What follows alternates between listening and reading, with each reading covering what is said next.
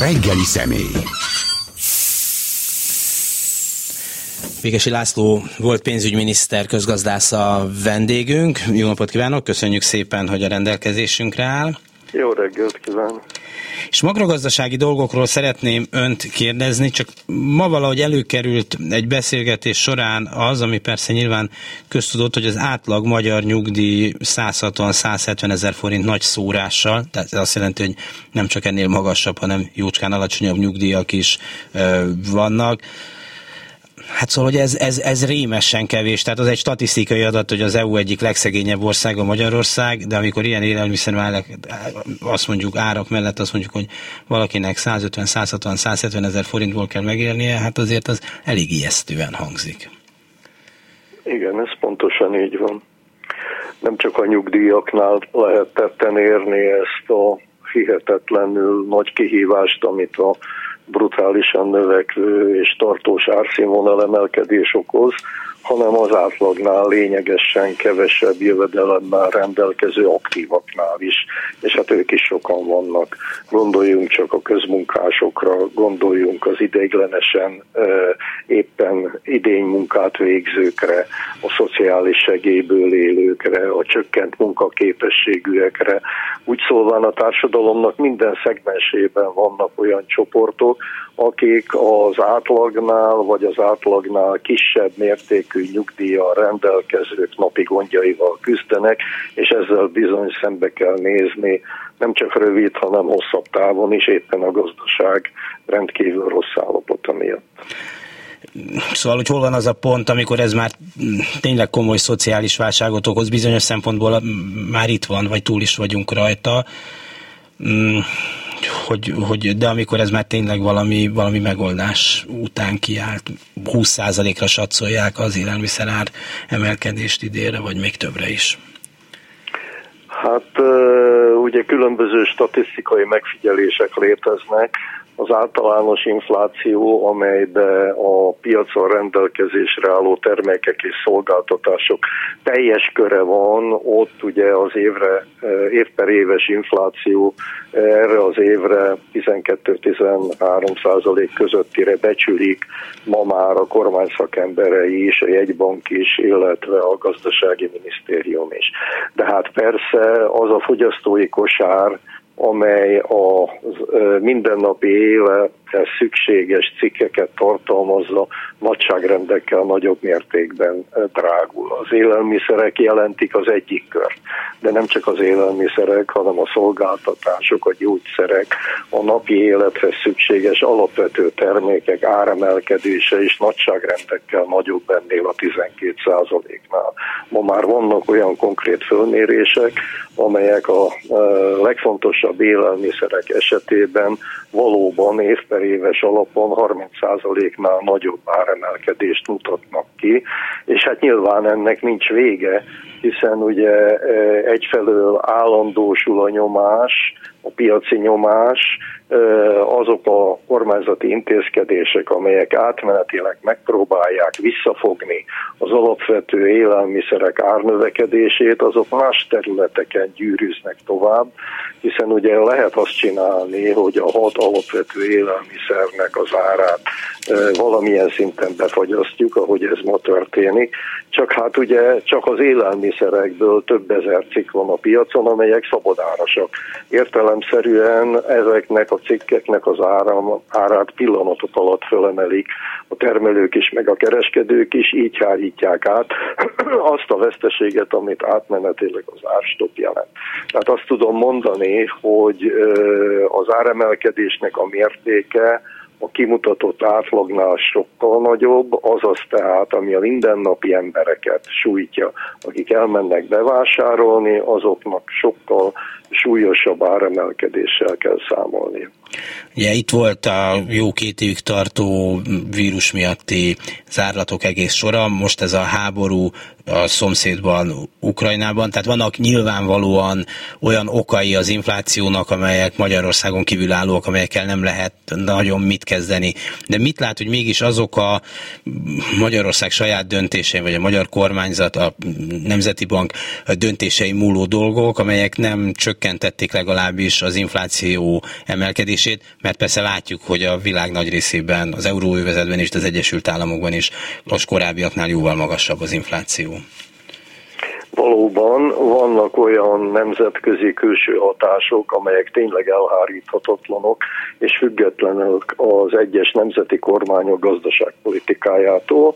Ebből felsorolt néhányat. Nyilván ilyen pillanatnyilag az ukrajnai háború és a miatt a bekövetkező energia, élelmiszer áremelkedés, illetve az értelemszerűen áremelkedést okozó szankciós intézkedések, és erről a magyar kormány nem tehet. Ha, ha, ha ki kellene fejeznem, akkor valamilyen arányszámmal, hogy a jelenlegi tartós és növekvő inflációban milyen szerepet játszanak ezek a külső hatások, és miért a saját kormányunk gazdaságpolitikája, akkor azt tudom mondani, hogy egyharmad részben nemzetközi hatások, kétharmad részben az elhibázott magyar gazdaságpolitika oka ennek az áremelkedésnek. Ennek több tényezője van. Egyrészt a kormány alapvetően és tévesen az elmúlt időszakban, az úgynevezett békeidőszakban, ez lényegében a 2008-as pénzügyi válság lecsengése és a pandémia kibontakozása közötti időszak volt, amikor egy tartós gazdasági növekedés jellemezte a világot alacsony inflációval, lényegében korlátlan finanszírozási forrásokkal, alacsony kamatok mellett. Ilyenkor értelmes kormányok azt csinálják, hogy erőgyűjtenek. Magyarul megpróbálják próbálják az államadóságot csökkenteni, az államháztartás hiányát mérsékelni, tartalékokat gyűjtenek, az erőforrásokat, amelyekkel rendelkeznek, megpróbálják felhasználni tartósan fenntartható növekedés megalapozására, fejlesztésekre, a versenyképesség növelékésére. Magyarország más csinált. Maximálisan kiaknázta ezt a kedvezőtlen ezt a kedvező pozíciót, sőt, még tovább növelte az egyébként is rendelkezésre álló erőforrásokat minden ágon, hihetetlenül nagymértékű pénzkibocsátással növelte a hitelkeresletet, gyakorlat szint, gyakorlatilag szinte a gazdaság minden területén, ami a legnagyobb baj, hogy finanszírozta lényegében olcsón az államháztartás túltök költekezését is, is, hiszen állampapírokat, államkötvényeket vásárolt a jegybank a, a kormánytól. Növelte a hitelkínálatot a gazdaság minden szegmensében, a vállalkozásoknak, a lakosság valamennyi területén de ugyanezt követte fiskális oldalról is, növelte drasztikusan a kiadásokat. Az államháztartás kiadásainak növelésével, fokozta ezzel a növekvő államháztartási hiányt, ami hozzájárult az adóság növekedéséhez. De ez történt részben gazdasági kényszerek, de részben politikai megfontolásokból jövedelemágon is. Ugye brutális mértékben növekedtek a különböző jövedelmek, adókedvezmények, fizetések, leg, különösen ugye az utolsó évben készülve a választásokra. Ha most mindezt összerakjuk, nem folytatom tovább, akkor ez azt jelenti, hogy olyan brutális mértékű kereslet növekedés zuhant rá a magyar piacra, ami mögött nem volt valódi teljesítmény.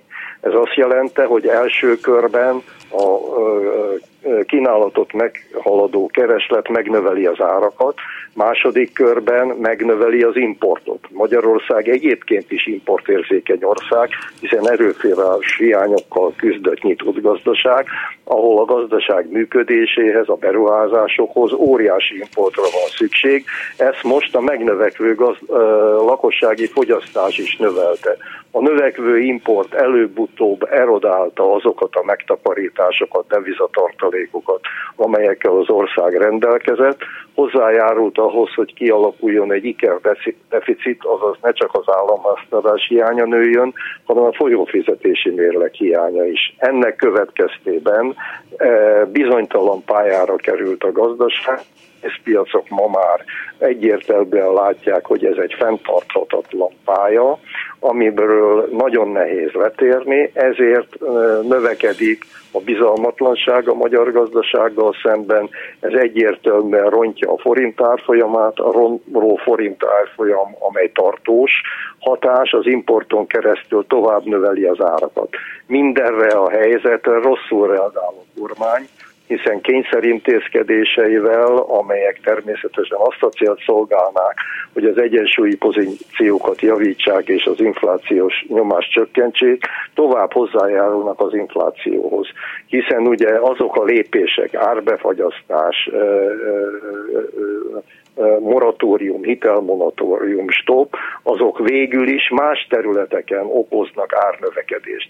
Azok az intézkedések, amelyek adónövelés révén próbálják meg az államháztartás megbomlott egyensúlyát csökkenteni, például az úgynevezett sokat emlegetett ágazati típusú extra profitadók, azok tovább háríthatók, tehát tovább növelik az egyébként is meglévő inflációs nyomást.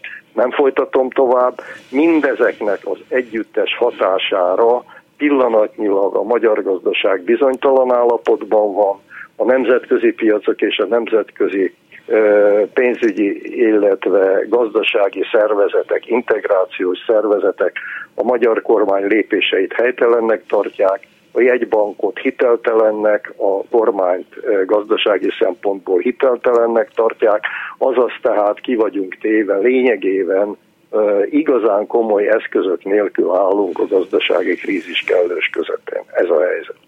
Ez elég szomorúan hangzik, de mondjuk a kereslet növelésének az adott pillanatban lehet, hogy volt értelme, hiszen egy csomó helyen a világban így próbálták életet pumpálni a leálló gazdaságba. Ugye a vírus miatt egy csomó minden nem működött, azt mondják, hogy na, adjunk pénzt valahogyan az embereknek, kezdjenek el fogyasztani, és ezzel pörgetjük fel a fogyasztás felől a gazdaságot, vagy ezzel állítjuk helyre, vagy közel helyre a vírus előtti helyzethez. Persze, ugye ilyen esetben a gazdaságpolitikai irányítóinak három szempontot kell figyelembe venni. Az egyik szempont az, hogy a gazdaság növekedésének csökkentése vagy recesszióba zuhanása nagyobb kárt okoz-e, mint a növekvő kereslet által kiváltott inflációs hatás és az egyensúly megbomlása. Ugye a világ számos pontján éppen a pandémia következményeinek elhárítása érdekében a kormányok azt a megoldást választották, hogy inkább a keresletet növelik. Csak mint említettem, ez egy olyan időszakban következett be, amikor lényegében általános gazdasági növekedés jellemezte a világot, és korlátlan finanszírozási források álltak rendelkezésre olcsó kamatok mellett. De ennek a lépés sorozatnak a következtében elindult egy olyan inflációs nyomás, hogy a legmagasabb gazdasággal, teljesítménnyel rendelkező országok is rádöbbentek, hogy sokkal több kárt okoz a tartós infláció, mint amennyire egy esetleges, mérsékeltebb gazdasági növekedés. Ezért, ahogy mondani szoktuk, elérkezett az, az igazság pillanata, elindult a kamatemelések sorozata legerősebben és legnagyobb mértékben, éppen a legnagyobb gazdasággal rendelkező Egyesült Államokban. Ez pedig azt jelenti, hogy a növekvő kamatok miatt megnövekednek a hiteltartozások költségei, a kamatok fölnyomják az egyébként is magas inflációt, tovább növelik a bizonytalanságot. Azok a kormányok, amelyek ebben az időszakban tartalékokat képeztek, és megpróbálták legalább fiskális ágon csökkenteni az eladósodás mértékét, ahogy mi közgazdászok mondjuk anti, anti ciklikus gazdaságpolitikát folytattak, azoknak most vannak tartalékaik. Magyar gazdaság nem ezt csinálta. Prociklikus gazdaságpolitikát folytatott, akkor is nyomta a gázt, amikor fékezni kellett volna, ezért aztán mi sokkal nagyobb mértékben vagyunk kitéve most ennek az úgynevezett áremelkedési, kamatemelési, inflációs nyomásnak, mint más gazdaságok az a furcsa helyzet van Magyarországon, hogy az, amikor adták a pénzt, mondjuk 13. havi nyugdíj, meg adókedvezmény, meg, meg mit tudom, micsoda, akkor annak volt politikai haszna, nem tudjuk, hogy pontosan mennyit jelentett ez a Fidesz választási győzelmében, de biztos, hogy jelentősen benne voltak az efféle dolgok. Most, amikor ezeket az inflációval kvázi visszaveszik, láthatóan nincs politikai ára egyelőre a Fidesz számára, a népszerűsége nem csökken, sőt, tehát akkor, akkor, akkor miért ne? Gondolhatja az, aki a politikai győzelemben érdekelt. Hát persze, erről szól a történet. Valójában ugye a Fidesz gazdaságpolitikájának a mozgastórugója nem más, mint a politikai hatalom megtartása, megőrzése. Valójában önálló, valódi, racionális gazdaságpolitikát a Fidesz hatalomra kerülése óta soha nem folytatott. A gazdaságot mindig alárendelte a rövid és hosszabb távú politikai céljainak, ez ma is így van. Mindaddig, amíg ugye ezeknek az intézkedéseknek a konzekvenciáit. A lakosság ugyan érzi, de ezt az érzetet közömbösíteni tudják más politikai szlogenekkel, amely aztán dübörög a, a propagandában, addig a lakosság valószínűleg nem reagál drasztikus lépésekkel az őt érintő, hátrányosan érintő gazdasági lépésekre. Ugye ebből a szempontból Orbánék számára idézőjelbe teszem, szinte kedvező az ukrán-orosz háború összes következménye, hiszen azt lehet mondani, hogy az első számú magyar érdek az, hogy kimeredjünk a háborúból. A második számú magyar érdek, hogy azok a az úgynevezett Oroszországot sújtó gazdasági szankciók, amelyek növelik például az energiaárakat vagy az élelmiszer árakat, azokat a magyaroknak ne kelljen megfizetni. Ugye az, a duma az, hogy ne Magyarország fizesse meg a háborúnak az árát, ami persze egy butaság, ilyet ö, senki, egyetlen kormány sem tud elérni, de ez az emberek számára még mindig vonzó. Úgy látják, hogy igen, itt most arról van szó, hogy a kormány mindent megtesz azért, hogy ne sorolódjunk bele a háborúba, mindent megtesz azért, hogy minél kisebb kelljen fizetni a háborúért. Az emberek még pillanatnyilag talán többségükben nem veszik észre, hogy ez nem más, mint egy orbitális hazugság. Az égvilágon semmi esély nincs arra, hogy Magyarország ebben a nemzetközi folyamatban egyáltalán szerepet tudjon játszani, ellenkezőleg el fogjuk szenvedni mindazokat a vesztességeket, amelyeket nem csak a háború okoz, hanem az is, hogy nem nézzünk szembe a saját gyengeségeinkkel. Ha a kérdés arra vonatkozott, hogy a lakosság, aki előbb-utóbb sőt szerintem már ma is a zsebén érzi meg ennek az elhibázott gazdaságpolitikájának következőit, mikor fog föllázadni, és mikor fog tömegesen kimenni az utcára, ezt nem tudom megmondani, azt gondolom, hogy Magyarország nem a lázadóknak a népe, itt nagyon sokáig hülyíteni lehet az embereket, félre lehet őket vezetni, a hátukon is fát lehet aprítani. Egyelőre ezt tapasztaljuk. Na igen, és ugye az is kérdés, hogy könnyű-e egy másik gazdaságpolitikára átállni a mondjuk ennek a kormánynak, mert az, hogy ez megbukjon, azért ahhoz igen nagy baj kellene a, világban. Nemrég egy nagy választási győzelmet arattak, azóta is nagy a népszerűségük, tehát hogyha változtatni akarnának mert más most egyelőre úgy fest, hogy nem tud, akkor ez elvileg legalábbis gazdaságilag elképzelhető, viszonylag hamar egy más típusú gazdaságpolitikát folytatni? persze elképzelhető. Ennek a módszerei rendelkezésre állnak, ki is vannak dolgozva, a modellek ismertek. Ez azt jelenti, hogy legalább három dolgot kell egyidejűleg végrehajtani. Ezek egymást erősítő folyamatok. Az egyik, hogy Magyarország különutas politikáját az Európai Unióval szemben azonnal abba kell hagyni, meg kell egyezni az Európai Unióval, hogy az ország hozzájusson azokhoz az erőforrásokhoz, amelyeket egyelőre az Unió blokkol, és valószínűleg politikai megegyezés nélkül nem is fog rendelkezésre bocsátani. Ez hihetetlenül nagy összeg, hiszen az azt jelenti, hogy pillanatnyilag évente körülbelül a bruttó nemzeti termék 2-3 százalékának megfelelő Európai Uniós támogatást nem kapunk meg, részben támogatások, részben olcsó hitelek formájában. Hogyha az ország letér erről az ostoba magát lényegében elszigetelő politikai pályáról, abban az esetben megnyílnak ezek a csapok, ami azt jelenti, hogy különösebb erőfeszítés nélkül ez az évi 2-3 százalékos gazdasági növekedés biztosítható. Ehhez persze hangsúlyozom, gyökeres változtatást kell végrehajtani, nem is elsősorban a gazdaságpolitikában, hanem inkább. elsősorban a jogintézményi rendszerben, persze, hát ebben nagyon sok minden benne van, az Európai Ügyészséghez való csatlakozástól kezdve a korrupció felszámolásán, az Európai Uniós támogatások ellenőrzött felhasználásán, nagyon sok minden, de ezek nem lehetetlen dolgok, igaz, hogy szembe kellene menni az eddigi gyakorlattal, az Orbán kormány eddigi politikájával, de itt most azt kell egy kicsit persze drámaian eltúlzott mondom módon hangsúlyoznom, hogy lényegében az életünkről van szó, azaz tehát ezt megérni. Ez az első lépés. A, a, igen, Bocsánat, nem, Érzem, hogy hosszan beszélek. Nem, nem, nem, nem, nem, nem, csak azon gondolkoztam, hogy egyrészt úgy tűnik, mint hogy az Európai Uniót időnként hintába lehetne ültetni, szóval, hogy azt lehet mondani, hogy majd megoldjuk, és akkor a békesség kedvéért e, odaadják a pénzt. Másrészt, hogy azért a magyar történelemben, vagy gazdaság történelemben az efféle dolog nem példátlan, hiszen a Kádár rendszer mondjuk már a 70-es, 80-as évektől tett engedményeket azért nyilván egy más szituáció, de hogy hitelezzék, tehát léteznek-e féle fordulatok a világban? Persze, persze. Uh, ami az uniót illeti, nyilván az uniós döntéshozatalnak a pillanatnyi mechanizmusa nehézkes, lassú.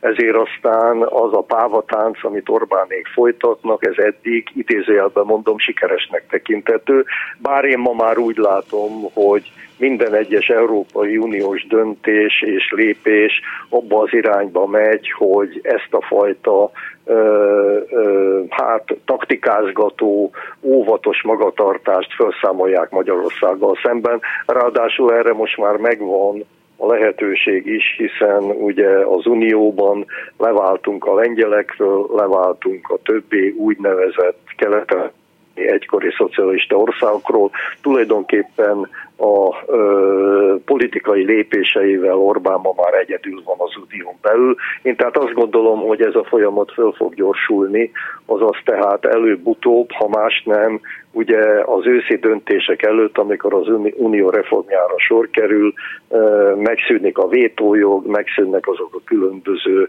jelenleg zsarolási potenciált jelentő jogosítványok, amelyekkel Orbánék visszaélnek, és ebben az esetben már valóban a gazdasági szankcióknak az időszaka fog következni. Az igazság pillanata nagyon rövid időn belül eljön.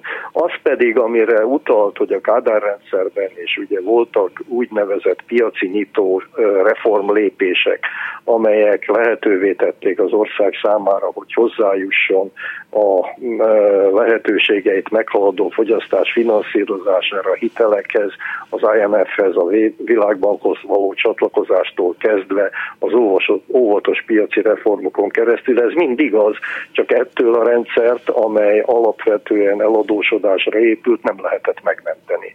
Tehát egy hosszú távú eladósodással sőt, sőt hát egy hosszú távú eladósodással finanszírozott többlet felhasználást nem csak szocialista viszonyok között nem lehet fenntartani, hanem piaci viszonyok között sem, sőt, mi több, ugye nem piaconyi, hanem illiberális viszonyok között sem, autokratikus viszonyok között sem. Tehát ez nem azt jelenti, hogy még hogyha esetleg eh, lélegzethez jut is az Orbán kormány, hogy gyökeres gazdaságpolitikai módosítás nélkül ez a fejlődési pálya tartósan föntartható lenne. De igen, igen, hallgatom, bocsánat. Tovább? Igen, igen, legyen szíves, köszönöm. Folytatom, mert még a gazdasági követelményekről nem beszéltem, eddig még csak a politikai követelményekről beszéltünk azért, hogy hozzájussunk az uniós forrásokhoz. De hát ez önmagában véve kevés, itt többről van szó. Meg kell változtatni ugye azt a fajta gazdaságpolitikai magatartást, amely elsősorban a rövidtávú növekedést célozza meg, azaz tehát olyan típusú keresletet támaszt, amely elsősorban a beruházásoknak a építőiparon keresztüli fejlesztését szolgálja. Betonba önti a pénzt, nem csak az uniós támogatásokat, hanem a hiteleket is, és elhanyagolja a gazdaság versenyképességének növekedéséhez nélkülözhetetlen szolgáltatási szektor fejlesztését, illetve a humántőke befektetéseket, kezdve az oktatástól, az egészségügyen keresztül, az innovációig, a kutatásfejlesztésig, a nemzetközi kutatóláncokba velő bekapcsolódásig. Ezen gyökeresen kell változtatni. Ugye jelenleg a magyar gazdaságpolitika prioritásai ettől eltérnek változatlanul az a cél, hogy úgymond a termelőszférának a fejlődését biztosítsuk, ami kétségkívül egy bizonyos szintig előnyös, hiszen a Magyarországon letelepedett multinacionalista, multinacionális vállalatok alkotják a kimenő GDP-nek, a gazdaság teljesítményének hát közel a kétharmadát, az exportnak pedig majdnem a négyötödét. Csak hogy ezeknek a beruházásoknak és gazdasági fejlődési lépéseknek korlátai vannak, Magyarországon már áthághatatlan korlátai. Nem csak az erőforrások hiánya, hanem például a hiányzó munkaerő. Következésképp itt már ilyen típusú fejlesztéseknek, extenzív fejlesztéseknek nincs forrása. Ezen is változtatni kell, ezt majd nyilván a multinacionális cégek a maguk területén meg fogják tenni, de ez kevés, hogyha a, nem biztosítja a kormány gazdaságpolitikájának módosításával az ehhez szükséges fejlesztéseket, képzés, továbbfejlesztés, kutatást, fejlesztés, szolgáltatásfejlesztés. Hát sőt, ez az egy... alapfokú oktatástól indul az ilyesmi, hát ahol hát persze, nyomokban hát sincs semmi változtatás szándéka, sőt azt mondták, sőt. hogy rendcsend, fegyelem, igen. Így van, hát ez, ez, egy, ez egy abszurd dolog, tehát itt, de mondanék még valamit, ugye, a, a, ami azért fontos, mert hosszú távon befolyásolja az ország gazdaságát. Ha végig gondolja, az történik, hogy Magyarországon egy csökkenő, tartósan csökkenő és előregedő népességnek kellene egyre nagyobb teljesítményt nyújtani ahhoz, hogy a jelenlegi fejlődést és életszínvonalat föl lehessen tartani. Ez reménytelen. Ez fizikailag is reménytelen, gazdaságilag is reménytelen, de pszichológiailag is reménytelen. Hiszen itt arról van szó, hogy nem csak, hogy azért csökken a népesség, meg többen halnak meg, mint, amennyien, mint amennyien születnek, zárójeles megjegyzés, az az elhibázott úgynevezett családtámogatási politika, amely azt gondolja, hogy a többgyermekes gazdag családoknak a támogatásával lehet a népszaporulatot javítani, az nyilvánvaló zsákutca. Napon napon látjuk, hogy ennek nincs meg az eredménye. Ennél sokkal nagyobb probléma az, hogy a tehetséges fiatalok, akik ö, ö, olyan tudással rendelkeznek, aktivitással rendelkeznek, amely nem csak Magyarországon hasznosítható, hanem a nyitott világban, Európában is, ők tömegesen hagyják el Magyarországot. Nem csak arról a 600 ezer emberről van szó, aki az elmúlt tíz évben elment Magyarországról, hanem végig gondolja a most érettségi vagy diploma előtt álló fiatalok 80%-a a jövőjét, a szakmai jövőjét nem Magyarországon képzeli el. Ez tehát azt jelenti, hogy ezek az emberek tömegesen fognak továbbra is elmenni Magyarország valójában, pont az a népesség fog hiányozni, akinek az aktivitása, többlet teljesítménye segíthetne abban, hogy képesek legyünk hosszú távon magunkat ellátni.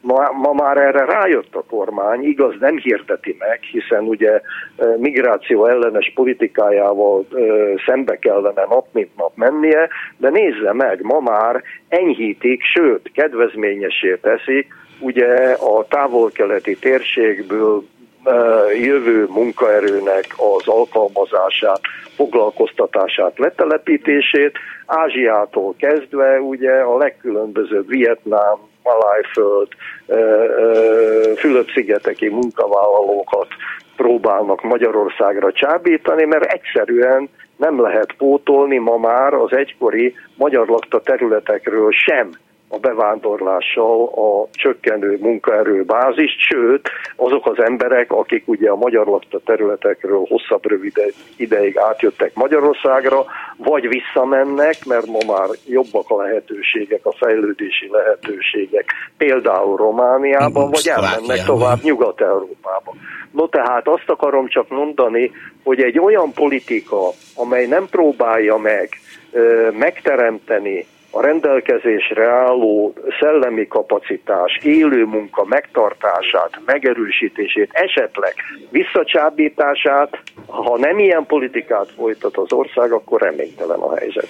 Ez a második dolog, amiben gyökeresen változtatni kellene. Végül a harmadik dolog, nem lehet azt csinálni, hogy a gazdaságpolitikát irányító szervezetek, mindenek előtt a kormány, illetve a jegybank, amely részben a fiskális, részben a monetáris politika meghatározója, abszolút kiszámíthatatlan, hiteltelen, és ezért aztán a nemzetközi szervezeteknek, pénzpiacoknak, illetve az integrációs szervezeteknek például ugye az Európai Uniónak, vagy akár például a nemzetközi hitelminősítő szervezeteknek a bizalmatlansága kíséri. Ezen is változtatni kell. Ezeket a lépéseket meg lehet tenni. Még egyszer hangsúlyozom, a módszerek rendelkezésre állnak, a modellek rendelkezésre állnak, megvan az a szellemi kapacitás a magyar szakemberekben, amely ezeknek a módszereknek a végrehajtására képes, csak ehhez pont szakítani kellene azzal, amit a jelenlegi Ormány kormány csinál. Azt hiszem, hogy erre viszont ez a kormány képtelen. Igen, Ceterum ezt... tehát először ezt a kormányt kell eltávolítani, ahhoz, hogy egyáltalán esély legyen arra, hogy megváltoztassuk a gazdaságpolitikát Magyarországon. Igen, szóval az a kérdés, hogy a tigrist rá lehet venni, hogy vegetáriánus legyen. Hát erről van de hát nem e... lehet rávenni. Igen, de hát ez a kormány politikailag stabil, tehát szóba se kerül, meg hát hol is van az az ellenzék, amelyik át tudná venni egy ilyen helyzetben lévő országvezetését egyelőre az önkormányzati választások akadályait is elég nehezen ugorják meg. Igen, ez pontosan így van, persze. De hát ugye láttunk mi már azért karonvari, hogy uh-huh. ilyeségeket mondjak, ugye. Ki gondolta volna mondjuk 88-ba, hogy két évet belül összeomlik a Szovjetunió, összeomlik a szocialista rendszer, és pillanatnyilag, pillanatok alatt egy teljesen új típusú társadalmi-gazdasági fejlődés indul el. Senki nem gondolta. Ma se gondolja senki, pláne Magyarországon, hogy ilyen hatalmas erőfölénnyel, politikai támogatással, gazdasági erőfölénnyel, propaganda fölénnyel Orbánékat le lehet váltani. De hát soha nem lehet tudni. Azért egyet nem szabad elfelejteni, előbb-utóbb azok az erőforrások, amelyek ma, már szűk, ma is már szűkösen állnak rendelkezésre, és amelyek azért alapvetően biztosítják Orbánék politikai bázisát elsősorban saját köreikben ezek elfogynak. Előbb-utóbb fölüti az elégedetlenség a saját berkeikben is, hiszen akkor egymás rovására kell majd erőforrásokat átcsoportosítani. Ilyenkor általában elégedetlenség szokta fölütni a fejét, és hát bizony a, addig, ameddig megy a szekér, addig gátlástalanul kiszolgálják a ö, vezért, aki mindennek a ö, irányítója, ha ez a bizalom megrendül, akkor egyáltalán nem biztos, hogy a rezsimet fent lehet tartani. Én se látom ezt még pillanatnyilag, de hát soha nem lehet tudni, hogy melyik az a csepp a pohárban, amelyik aztán végül kiömlik. Úgyhogy azt gondolom, hogy igazán a változtatás esélye természetesen először Magyarországon belül kell, hogy megtörténjen, és ez, ezen belül is elsősorban a Fideszen, illetve az uralkodó párton belül. Ha ez bekövetkezik, ezek a törések felőrös, vannak erre már azért jelek, csak hát még nagyon halványak, és Orbán erőteljesen kezében tartja a szálakat, a gyeplőt, de egyáltalán nem biztos, hogy ez rövid vagy középtávon is így lesz. Hát igen, Békesi László volt pénzügyminiszter, közgazdász a vendégünk. Viszont, hogyha nagy gyors változás nem lesz, akkor ebből következik, ha jól értem, hogy amit ön mond, hogy tovább nő az infláció, romlik a forint tárfolyama, és hát finoman szólva sem javul Magyarország versenyképessége a gazdaságban. Igen, ez pontosan így van, rövid és középtávon ez várható, semmi jel nem mutat arra, az előbb ezt megbeszéltük, az esélyek sincsenek meg arra, hogy ez rövid távon változzon. Ez pedig a gyakorlatban legalább három dolgot jelent. Az egyik, hogy azt az eddigi színvonalat, életszínvonalat, fogyasztási színvonalat sem lehet megőrizni, amely eddig azért az ország számára a lakosság egy jelentős részére, most nem beszélek a nyomorult, kiszolgáltatott, szerencsétlen emberekről, de a bázis jelentő többség részére még elviselhetővé vált. Ez valószínűleg a közeli jövőben és középtávon nem lesz fenntartható, tehát mindenki, a középosztály is érezni fogja ennek a gazdaságpolitikának a hátrányát. A másik, ami ennek szerves következménye, hogy Magyarország a régión belül is leszakad. Nem csak az Európai Unió átlagától és az sokat áhított nyugat-európai átlagtól, vagy hogy, ahogy ezt mi állandóan ugye álmodozzuk Ausztriától, hanem a régió összes többi országától tulajdonképpen a nálunk ö, kedvezőtlenebb helyzetben lévő egykori kelet-közép-európai volt szocialista országok fejlődési üteme is nagyobb, mint Magyarországé. Románia már most elhagyott minket, Bulgária növekedési üteme is nagyobb.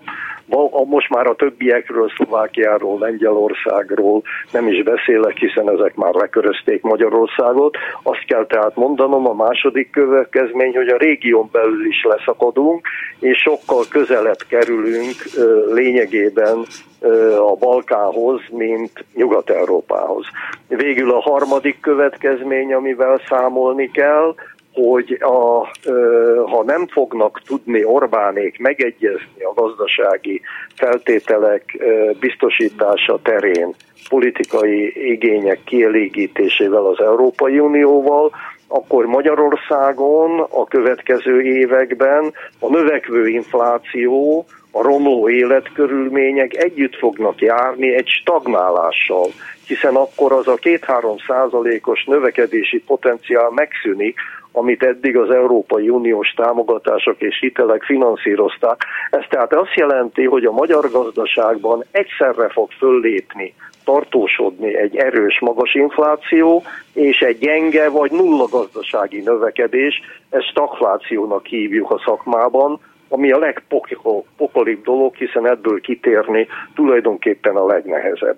Úgyhogy én nagyon reménykedem, hogy legalább az első feltétel nem teljesül, magyarul meg fognak Orbánék egyezni az Unióval, és akkor legalább ennek a stagflációsnak a stagnálási eleme nem fog minket veszélyeztetni, de a magas infláció és a vele együtt járó romló életkörülmények akkor is velünk lesznek. Azt körülbelül látjuk, hogy egy ilyen tartósan magas infláció hogyan rendezi át a gazdasági erőviszonyokat, hogyan taktikáznak a cégek is, de, a, de az emberek is, mint fogyasztók, amikor magas az infláció, és azért ez se példanélküli a magyar történelemben, hiszen a 90-es évek elején volt, voltak 20-30 százalékos inflációs évek is. Persze, csak hát annak egészen mások voltak az okai, ezért a reakciók is mások voltak. Ugye, ugye az egy, úgy hívjuk, hogy a rendszerváltással együtt járó, elviselhető, még ha nagy gondokkal és okozó transformációs válság és annak következően. Most ilyesmiről nincs szó. Itt most ezre így reagálni nem lehet. Ugye, amit ma pillanatnyilag látni lehet, a növekvő inflációval szemben védekezni a lakosság közvetlenül csak teljesítményének növekedésével tud.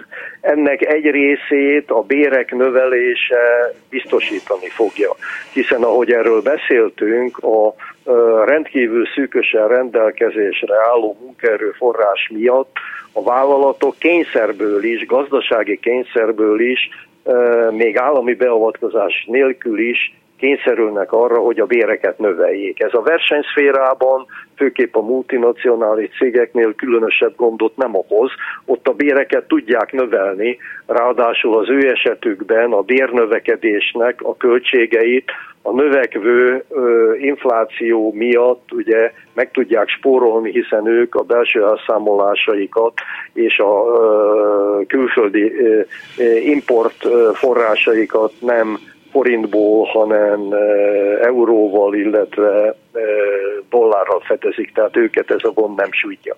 Az embereknek a többsége azonban ilyen típusú jövedelem növekedésre nem fog szertenni valószínűleg rákényszerül a kormány arra, hogy a kiszolgáltatott rétegeket tudja segíteni. Ugye ennek az egyik példája, hogy késve, nem olyan mértékben, lényegében a ö, nyugdíjasokat hitelezésre kényszerítve azért a növekvő inflációt követő nyugdíjemeléseket hajt végre a kormány. Ez nem elég, a nyugdíjasokat nem fogja, mert hazugság az, hogy a nyugdíjak reálértékét megőrizzük, semmit nem őrzünk meg ebből, csak követjük ezeket. De ilyen lépések lehetnek. Ugye a, a lakosság tehetősebb rétege teljesen nyilvánvalóan át fog állni, ugye megtakarításait nem forintban fogja tartani, hanem ha teheti devizában, hanem akkor ingatlanokban, ha ezt sem tudja megtenni, akkor elmenekíti aranyban, képzőművészeti alkotásokban. Ez a leggazdagabb rétegre igaz, aki ezt megengedheti magának. Elég sokan vannak azért Magyarországon ilyenek. Azt is látom előre, hogy szinte automatikusan a növekvő infláció és a tartósan romló forint árfolyam miatt ki fog alakulni egy kettős devizarendszer Magyarországon. Aki teheti, az a megtakarításait majd devizában fogja tartani, aki teheti, olyan munkahelyre megy, ahol fizetését nem forintban, hanem euróban vagy dollárban kapja, a hiteleit is elsősorban ezekben a devizákban fogja fölvenni, illetve megtakarításait is ebben fogja deponálni. Ez egy ilyen már volt Magyarországon, volt kettős kamat és kettős devizarendszer is, még a forint konvertibilitásának bevezetése előtt. Ez a veszély most is itt áll, de hangsúlyozom, ez a lakosság egy nagyon szerény rétegére igaz, de ezzel az eszközzel ez a réteg élni.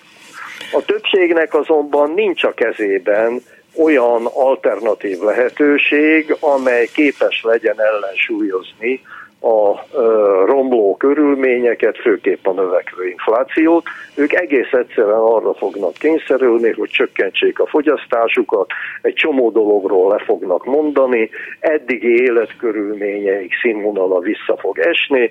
Akinek eddig még lehetősége volt arról, hogy mit tudom én, könyveket vásároljon, színházba járjon, esetleg külföldre menjen, vagy nyaraljon, bizony erről le fog mondani azért, hogy a normális életfeltételeit biztosítani tudja. Most már arról nem is beszélek, hogy a gyerekek tanítatása egyre többe kerül, hiszen az állami iskoláknak a színvonala katasztrofális.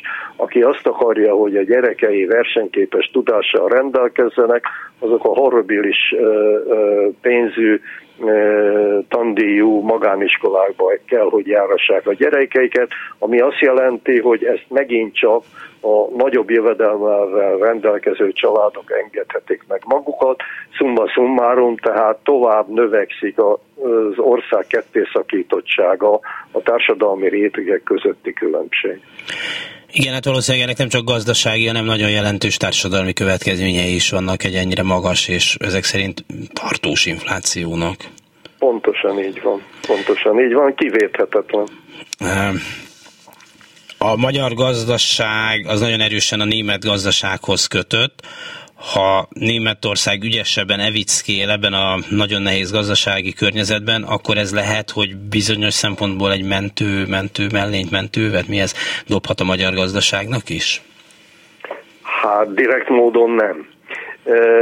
Ez abban az értelemben segíthet nekünk, hogyha azok a német többségi tulajdonú vállalkozások, amelyek Magyarországon működnek. Ugye itt általában mindig modellszerűen a nagy autógyárakat szokták Igen. említeni, nem indokolatlanul, hiszen ezek ugye alapvetően német többségi tulajdonúak, és az ő teljesítményük biztosítja, mint már említettem, a GDP-nek is, meg az exportnak a nagyobb többségét.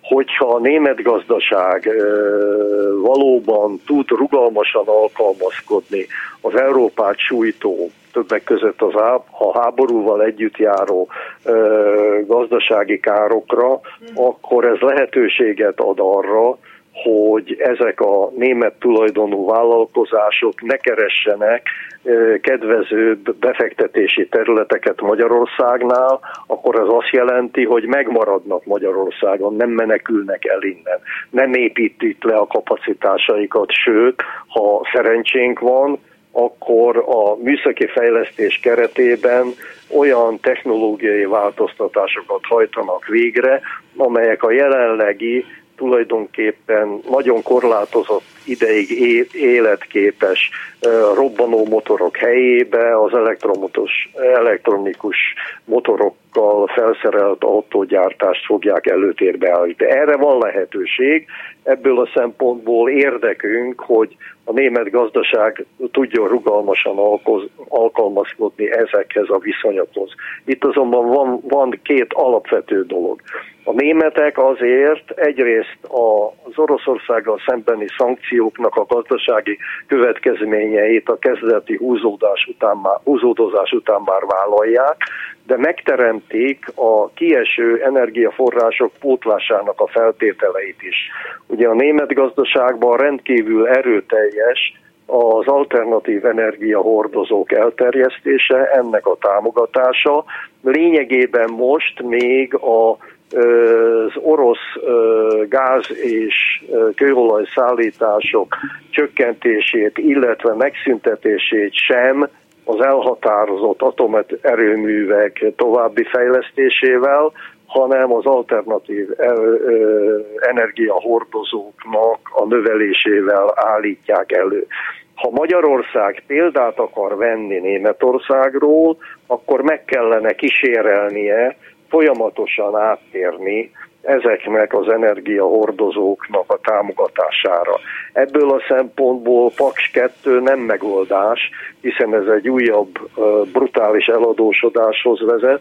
Ráadásul ma már lehet látni pontosan, hogy ennek a fizikai feltételei se fognak rendelkezésre állni, hiszen a növekvő ugye átlaghőmérséklet miatt a Dunának a vízhozama csökken, a hőmérséklete növekedik, és a szakemberek szerint ma már a Paks egy meghosszabbított üzemidejéhez szükséges ö, ö, fedezetet se tudja ez a vízhozam biztosítani. Tehát itt mindenfajta gond van, eladósodás, kiszolgáltatottság, technikai kiszolgáltatottság, sőt hangsúlyozom, környezeti problémák egyaránt. Tehát a német gazdaságnak ezt a változtatását követni lenne érdemes, erre egyelőre nem látok még csak jeleket sem.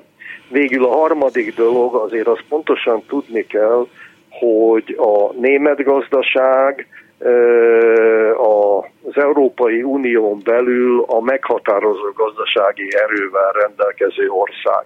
Amennyiben a megújuló Európai Unióban megerősödik a német-francia tengely, amely politikai és gazdasági szempontból egyaránt az unió további fejlődésének a ez pedig a, az unió elmélyítése, az integráció erősítése, a monetáris unió mellett most már a fiskális uniónak a kiterjesztése, hogy csak egyetlen példát mondjak, ugye azért az nem véletlen, hogy hosszú évek után most jutott el az Európai Unió addig, hogy az egyes országokban a minimális társasági adónak a mértékét próbálja meghatározni, amivel egyedül Magyarország megy szembe. Nos tehát, hogyha mindezek a, az Európai Unióban a, az integrációt erősítő lépések a német-francia tengely erősítésével felerősödnek, akkor Magyarország számára nem, nem marad más esély, mint ehhez alkalmazkodni, azaz megint meg kell változtatni a jelenlegi magatartást. Ez a keleti nyitás amúgy is inkább csak a propaganda része maradt, nem? Még ha lett is volna rá szándék, de hát a belgrádi vasútépítés, meg egy-két ilyen pénzt nem hozó, csak vívő dolgon kívül sokat nem látunk belőle, nem láttunk belőle.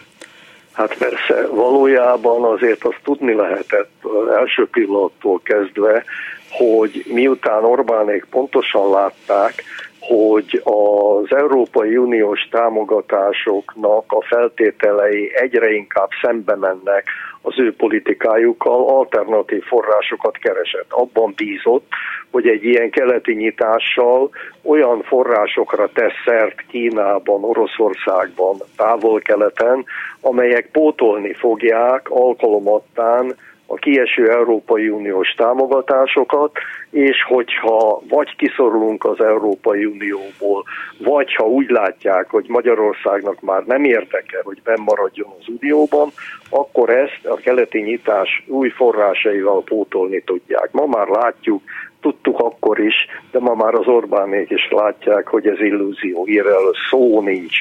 A keleti nyitásnak az igazi haszna tulajdonképpen csak a donorországok szempontjából létezik, hiszen nyilvánvaló, hogy Kína nem a magyar gazdaság fejlődését finanszírozza, hanem azokat a kínai beruházásokat, amelyek számukra fontosak, miközben ennek a terheit mi viseljük.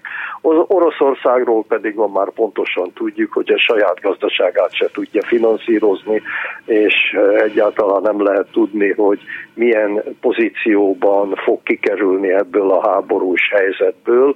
A többi nagy ázsiai ország pedig ebből a szempontból irreleváns, azok csak a kettős érdekek alapján hajlandók Magyarországot támogatni. Ez pedig ugye azt jelenti, hogy a keleti nyitás ma már nem tudja pótolni az esetleges kieső Európai Uniós támogatásokat. Esetleg, hogyha arra kerülne sor, hogy vagy saját szándékából Orbán, vagy pedig az uniós szankciók miatt Magyarország kiszorulna az unióból, az azt jelenteni, hogy végérvényesen leszakadtunk Európától. Hát reméljük, hogy ez nem következik be, bár hogy miért nem következik be, azt még nem látjuk egyelőre tisztán, de hát, hogyha a kényszer nagy úr és valóban valami változtatást okoz. Köszönöm szépen Békesi László közgazdásznak volt pénzügyminiszternek, hogy segített nekünk ebben a bonyolult világban eligazodni. Viszont hallásra. Viszont hallásra. Reggeli gyors, nem maradjon le semmiről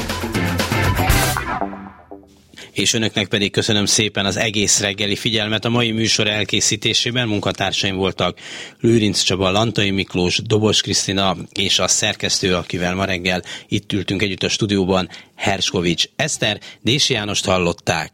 A viszont hallásra!